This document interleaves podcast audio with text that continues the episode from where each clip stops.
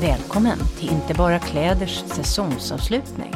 Sedan premiären har 17 avsnitt kommit ut och det är dags att sammanfatta säsong 2. Jag som gör podden heter Marie Tosta Linder och är personlig stylist på Tellclothes. Den här säsongen har bland annat handlat om scenkostymer och manlig och kvinnlig klädsel. Vi har fått inblick i scenklädernas viktiga roll och om processen hur de kommer till genom kostymörerna Camilla Thulin och Ann Bonander Luft. Skådespelaren Annika Hallin har berättat hur det är att bära en scenkostym och hon har också beskrivit vad som händer med henne när hon bär manliga kläder eller förhåller sig till omvärlden som man. Och hon har avslöjat att hon genom att spela på kvinnliga attribut har skaffat sig fördelar i en traditionellt manlig miljö som en bilbesiktning. På temat manlig och kvinnlig klädsel har Camilla Thulin, som den designern hon också är, förutom kostymör, gett rådet till yrkeskvinnor att klä sig som kvinnor för att ta plats på egna premisser istället för att efterapa den manliga klädnormen. Någon kan tycka om att det skaver. Någon kan tycka om att det är för litet. Någon kan tycka om att det är för stort. Någon kan tycka om att det är fel. Men om man går till sig själv så de, de måste ju kunna röra sig. Mm. Men någon kan också tycka om att, nej men jag tycker om att det är lite för trångt där. Mm, det, det kan jag dem. jobba med. Så det är ju otroligt, man, man, alltså det är en väldigt laddad situation mm. i provrummet. För att för det första ska skådespelaren ta av sig i underkläderna inför fyra, fem personer. Och sen ska man gå igenom. Så det är ju en väldigt känslig situation. Hur skapar du tillit? Att vi är där för att arbeta. Och att vi ska hjälpa skådespelaren komma in i sin karaktär. Och att mm. vi ska hjälpa till med det, för det är mm. det det handlar om. Blir det mycket av en dialog eller är skådespelaren väldigt, ja det är förstås olika, men jag tänker hur mycket kan skådespelaren själv påverka kostymen? Mycket. Men en del skådespelare säger ju, många säger det där lämnar jag över till dig. Jag har haft en skådespelare som inte ens ville vända sig om och titta sig i spegeln utan stod med ryggen till. Oj. Ja, jag litar på dig.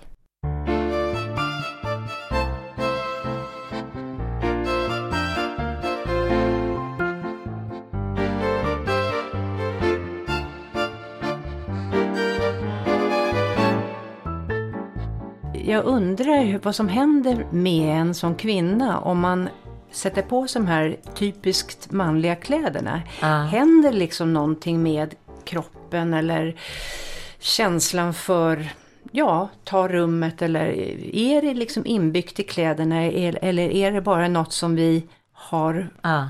läst in senare? Ja, jag kan svara på det fast jag inte riktigt vet när jag själv har gått in på scenen med kostym och varit man. Mm. Jag har ju haft kostym på mig flera gånger. Mera androgyn, ja men det kan ju vi ha. Det är mera androgyna kläder utan att vara man. Men, mm. men det, det hände jättemycket.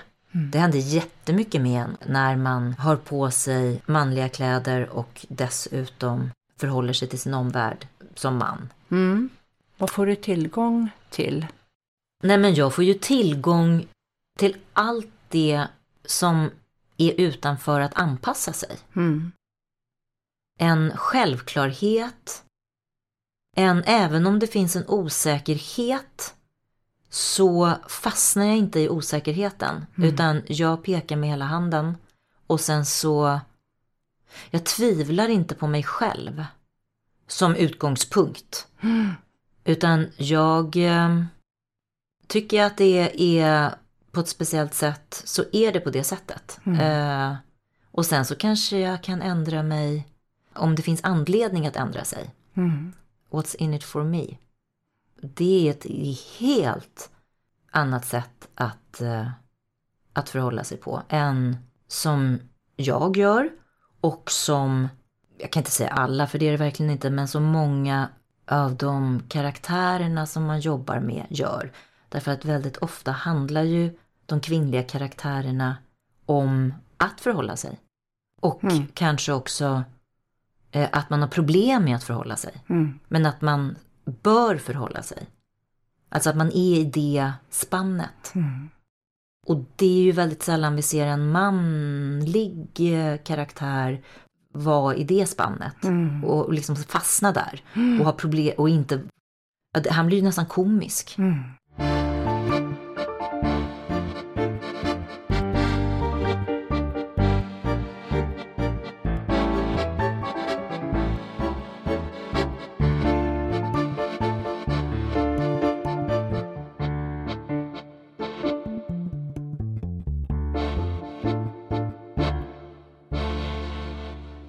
Ju som när man förr i världen, jag med mina skrotbilar åkte till besiktningen och satte på sig den korta kjolen. det, Gjorde du det? Ja, varje gång. Det gav resultat alltså.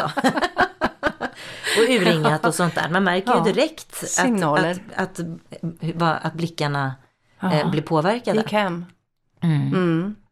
Så enkla är vi. Ja. Eller männen. Ja. Ja. Kläders kraft. ja. Det intressanta i vårt samhälle är också om man är kvinna och klär sig maskulint. Mm. Och det ska man absolut göra. Snygg kostym, vit skjorta, en kort snygg frisyr, snygga glasögon, en platt sko. Det är jättetufft. Det är liksom man ser, man, man, det är jättehärligt. Men ser du en man som har klätt ut sig till mig så skrattar man. För då har mannen klivit ner ett trappsteg och så tror man att kvinnan har klivit upp ett trappsteg. För mannen är normen. Ja. Och kvinnor bara hugger i sig det bara. Äter upp det. Men jag gör inte det, jag skäms. Jag tycker det är kul att klä ut mig. Jag tycker det är kul att ha rött läppstift och mycket smink och örhängen, stora örhängen, så här indiska brudsmycken. Och jag tycker det är fint. Det glittrar liksom. Så affärskvinnor till exempel, alltså de som jobbar i, i, i mansvärlden om vi säger så. Eh, hur skulle du råda dem att klä sig? Jag råder alltid dem och jag har ju några sådana tipptopp-kunder och de är superkvinnliga. Så här, klä ut dig till kvinna. För om du klär ut dig till gubbe så kommer inte de att se dig. Nej. Även fast du är vassare än dem och alltihopa. Det vet de att du är, men de ser dig inte ändå. För sitter du där i en lila klänning, snygg frisyr och lite en snygg handväska liksom. Då syns du. Och då får du plats. Men klär du ut dig till en av dem, för de här gubbarna är så vana att vara i en grupp. De är vana att spela fotboll, det är en som bestämmer. Och de liksom, då håller alla andra käften. Men kommer in en paradisfågel i det här, då måste man titta på den lite och se, oj, här var någon annan. Då, då, då sticker man ut. Så det är alltid bra att sticka ut, tänker jag.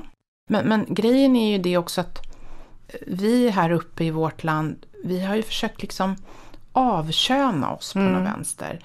Och det är grejen att det är kvinnan man avkönar, för det är det värsta att vara är att vara kvinna. För normen är man och så börjar man tjata om jämlikhet och bla bla bla. Det är ingen jämlikhet för mig att klä ut mig till en gubbe. Det är inte det. Inte se ut som en gubbe. Prästen Embla Trygg har berättat att hon i sitt yrke ikläder sig Kristus. Om hur prästens olika plagg ser ut idag och om hur den manliga normen har styrt också inom kyrkan. Läraren Martin Fernström iklädde sig en slags rustning med stenhårda attribut för att med en sådan yttre manifestering få hjälp att gå från mobbad till att istället vara den som satte dagordningen. Nu för tiden befinner han sig i en värld av hundraåriga kostymer och stärkkragar som får honom att känna sig både cool och bekväm. Ja, man brukar beskriva det som att man iklär sig Kristus. Okej. Mm. Mm. Och det är ju då med det här vita och allt det. Och det är därför de här bönerna blir viktiga för många. Man liksom på något sätt så ska det symbolisera att jag, jag, är inte heller, jag är inte längre här som mig själv. Utan i den här ordningen så är jag ställföreträdande för Kristus. Därför iklär jag mig Kristus, för jag är inte Kristus. Och så är det ju. Mm. Sen kan man ju tänka sig att Kristus skulle tillåta hur man än ser ut, för det verkar ju mer kristet så att säga, kristna värderingar. Men man kan ju då också förstå församlingen, att de kanske tycker det blir för mycket om man liksom är helt spacad, spacad klädd. Och det är ju här olika intressen liksom ibland krockar och där det är svårt att, att hitta en, en bra ja, men teologisk mellanväg kanske. För det finns de som då väldigt starkt håller på det här att eh, nej men det ska inte vara några smycken, det ska inte vara utsläppt hår. Eh, du får inte ha för starkt eh, läppstift på dig, helst inget smink alls kanske. Och idag har du rött. Och idag har jag rött. kan vi säga. Ja. Mm. Eh, ska inte fira någon mässa idag. Eh, men, men ja, det hade jag väl kunnat ha om det var en veckomässa. Det tror jag inte att, det hade jag inte haft någonting emot. Men det finns de som liksom, som då tycker att man ska skala av väldigt mycket. Och så finns det de som är mer så här, ja fast alltså jag är kallad att iklä mig Kristus som den person jag är. Mm. Eh, och där är det ju lite olika sätt att se på det och det är lite olika intressen. Och det jag tänker är att det man ber oss skala bort är väldigt ofta det som är kvinnliga attribut. Jag Traditionellt tänkte så. det. Inga höga klackar som låter. Inga, ingen nagellack, inget smink, inga smycken. Mm. Inget långt utsläppt hår som fladdrar. Just det. Den vita dräkten, den kan man säga är en förlängning eller utveckling kanske av dopdräkten. Vi döper ju ofta barn i Sverige och de brukar ha på sig vita långa klänningar. Mm. Den vita färgen står för renhet bland annat. Men det är också festen och glädjens färg. Och längden på dopklänningen är för att vi ska ha någonting att växa i. Och som konfirmand sen bekräftar man ju dopet och då är det vanligt att man också har på sig en vit lång dräkt. Mm. Och även präster då har vita långa dräkter. Och i urkyrkan så var det så att när man döptes gick man ner i vattnet. Jag tror att man för det mesta kanske till och med var naken eller i sina egna kläder. Men när man kom upp, för då tänkte man sig ju att kanske ännu mer än vad man gör idag, att dopet ska rena en från synd. Eh, och då när man kom upp så blev man påklädd en vit dräkt.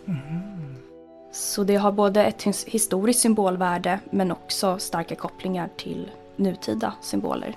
Mm. Och sen det här bältet, det är också en symbol, eller hur? Ja, och det har jag lite dålig koll på. Eh, jag tror väl, nu, nu, nu tjejgissar jag lite här, men jag har för mig att det är någonting att det ska hålla ihop någonting eller någonting sånt. Och det finns ju de som för vilka de här kläderna är liksom otroligt viktiga. Där varje klädesplagg har sin egen bön som man säger eller tänker när man tar på sig dem. Det är inte så viktigt för mig. Men det här skärpet, det är det absolut bästa att ta på sig. Jag tycker att det är så roligt och typ bara tillfredsställande. Jag vet inte om det är för att det är lite som att sticka eller hålla på med makramé eller knyta vänskapsarmband. Men det är någonting med det som är väldigt eh, ja, men, tillfredsställande.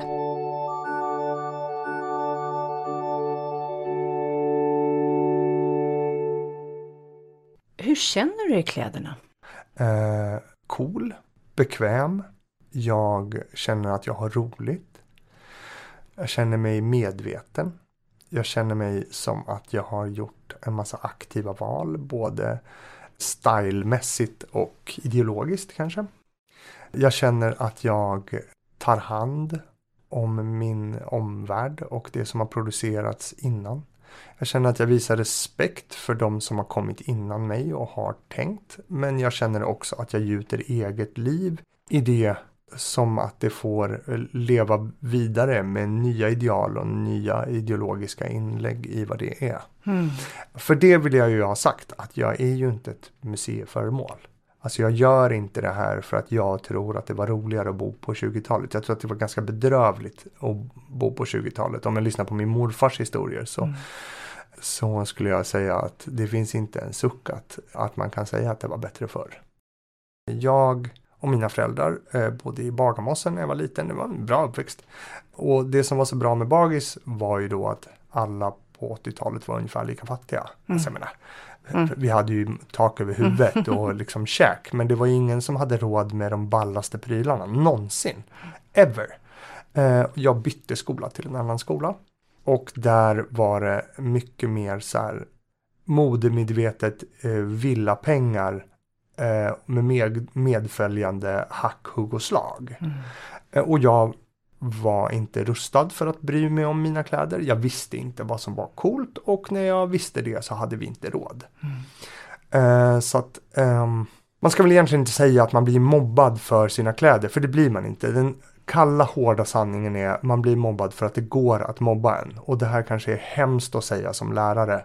Eh, men det i alla fall i mitt fall och i många andra fall jag har sett så är det så här för att man inte har en rustning att försvara sig. Och ta stryk och eventuellt ett svärd och ge tillbaks. Um, det hade inte jag. Mm. Så att jag blev ganska hårt utsatt och det var jädra jobbigt.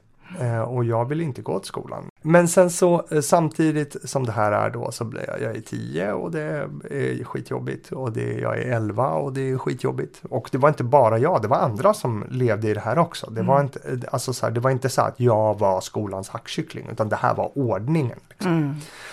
Och sen så eh, någonstans när jag är 12, ska fylla 13, eh, mellanstadiet är på väg mot sitt slut, så fick jag i alla fall då en eh, liten, liten, liten tv att ha på mitt rum. Och jag satte på MTV och sen såg jag ett program som heter Headbangers Ball som spelade punk och hårdrock och metal och grunge var det väldigt mycket då, sen Nirvana och sådär. Och jag kommer ihåg ögonblicket där jag såg en video med ett band som heter Megadeth. Då fanns det en låt som heter The Symphony of Destruction. Där de såg så de såg så balla ut i den videon. Det går ju att le åt idag men, mm. men då tyckte jag att de såg skitcoola ut. Och sen mm. så tänkte jag att man kan nog se cool på, ut på andra sätt än så. Så att jag tänkte att jag hoppar i den här poolen. Mm. Jag vill inte vara som alla andra.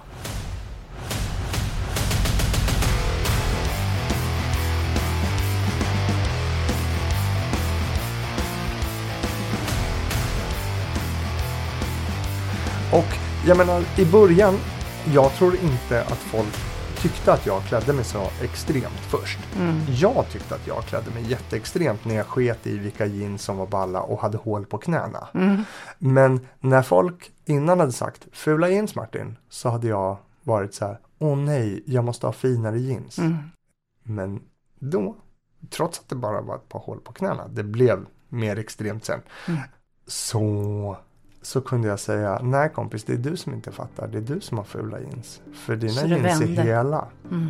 Och det är väl egentligen det här skapandet av en rustning och eventuellt ett svärd. Mm. Att försvara sig med. Mm. Och jag fick vara för det.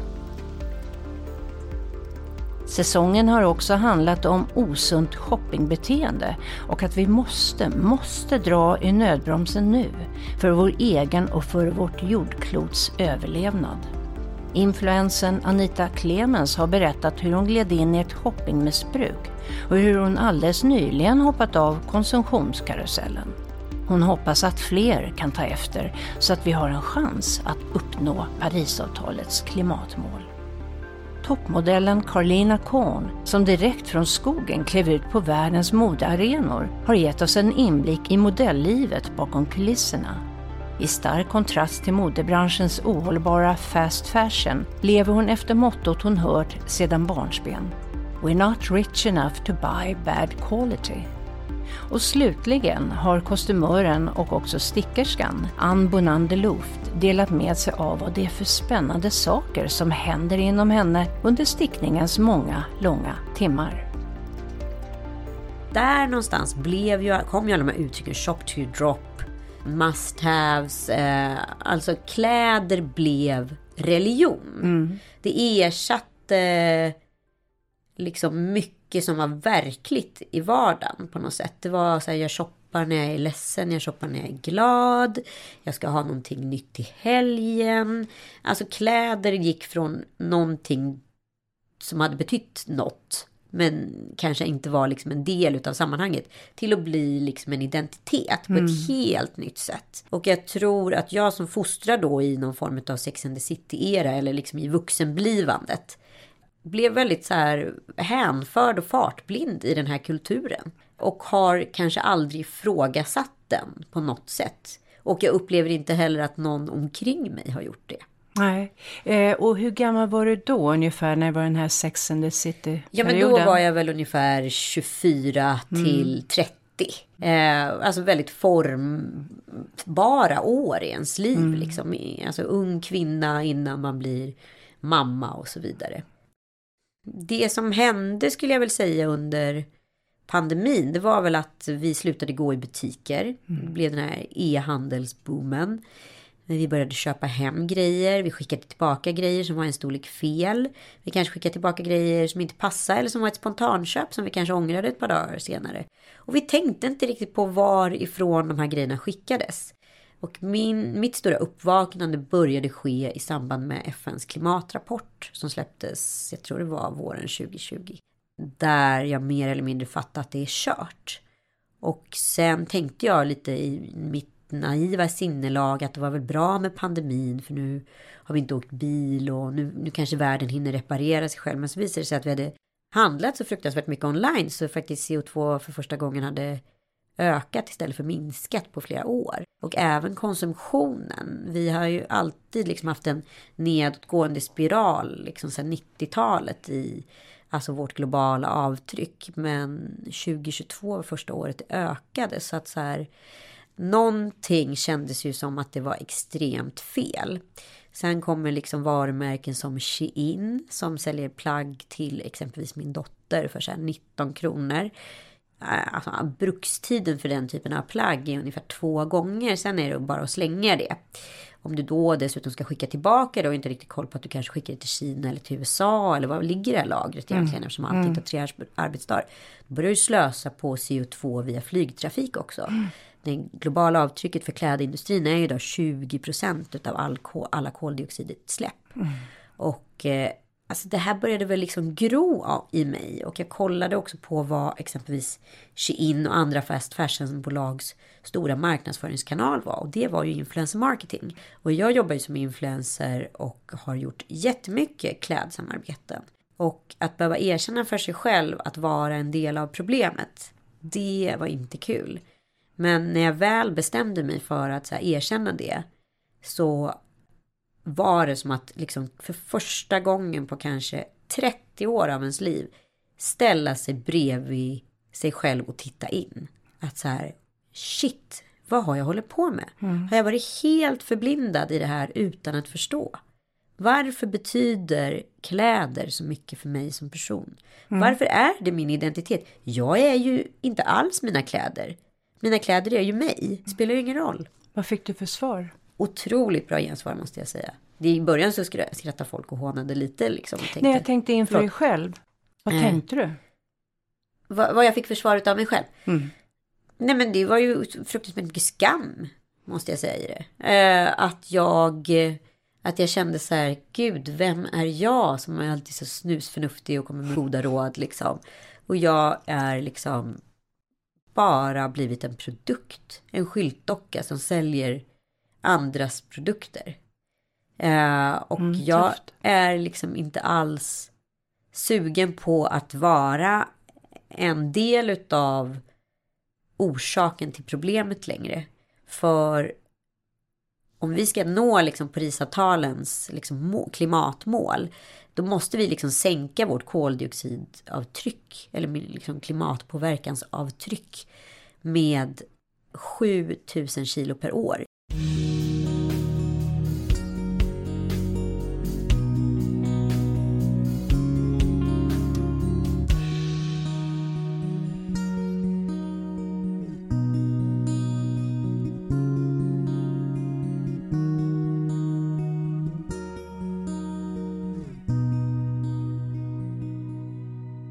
Becoming a model as well is such a um, it, it's such an interesting um, it's such an interesting concept because you can have the most beautiful girl that takes the most beautiful pictures and it just never works out for her because mm-hmm. it's also about like being in the right time in the right mm. place having someone that like you know sort mm. of picks you out and just it's it's very much a game of luck because it really mm. has nothing to do with like just being beautiful and tall and skinny a lot of girls that perhaps have those three mm they don't have the mental strength to go mm. through it because mm. it, it is an it is really uh, the way I look at it backwards, right? Um, even doing shows, it would be two weeks sort of of New York, then directly from the last show in New York, you fly into London, then you do three, four days of London shows, and they're so squished between New York and Milan.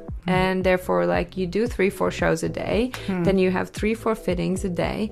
I would be home at like two in the morning, and then like at five thirty, picked up to go in the to prepare for the next show so like and then you go to milan you, you do the full week there and and then you had like seven to ten days uh, of, of Paris because Paris is being the last one would always be a little bit more stretched out, you know. Mm. And in Paris, you're already like running in like your last juice, and then once it finished, it would usually be the three four days after the shows would finish. That's when like the magazines try to shoot the newest collection mm. to you know, and so so often you would just go and do a magazine shoot for it or two magazine shoots just after that, and then I used to I used to actually just like go home to my parents and then for a week I would be completely sick because like you're just so exhausted you know and mm. it's it's a hmm. full and you need to have that type of personality that would be able to to kind of like support and like you hmm. really want to like be there and mm.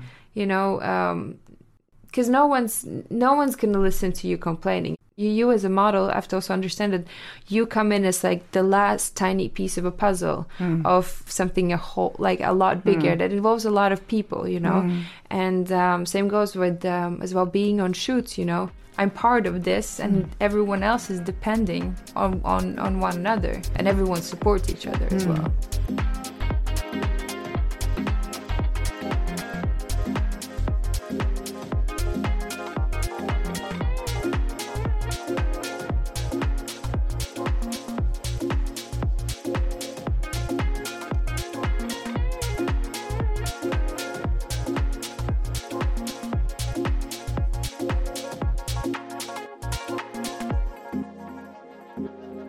just när man sitter och stickar som tar så lång tid. Det är mm. klart att det är massor med tankar som åker. Mm. Dels är det en bearbetning. Mm. Eh, det är dessutom, som jag tycker så mycket om, det är att eh, det blir ju en fördjupning.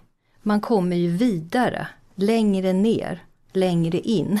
wow! Ja, eh, och, då, och när man kommer längre in, djupare, längre ner eller in, mm. då uppstår ju då, då, då är det de där sakerna som kommer som du inte kan få där uppe till ytan. Mm. Förstår du det? Mm. Mm. Och det är intressant. Väldigt. Det är nästan terapeutiskt. Ja, det skulle jag säga.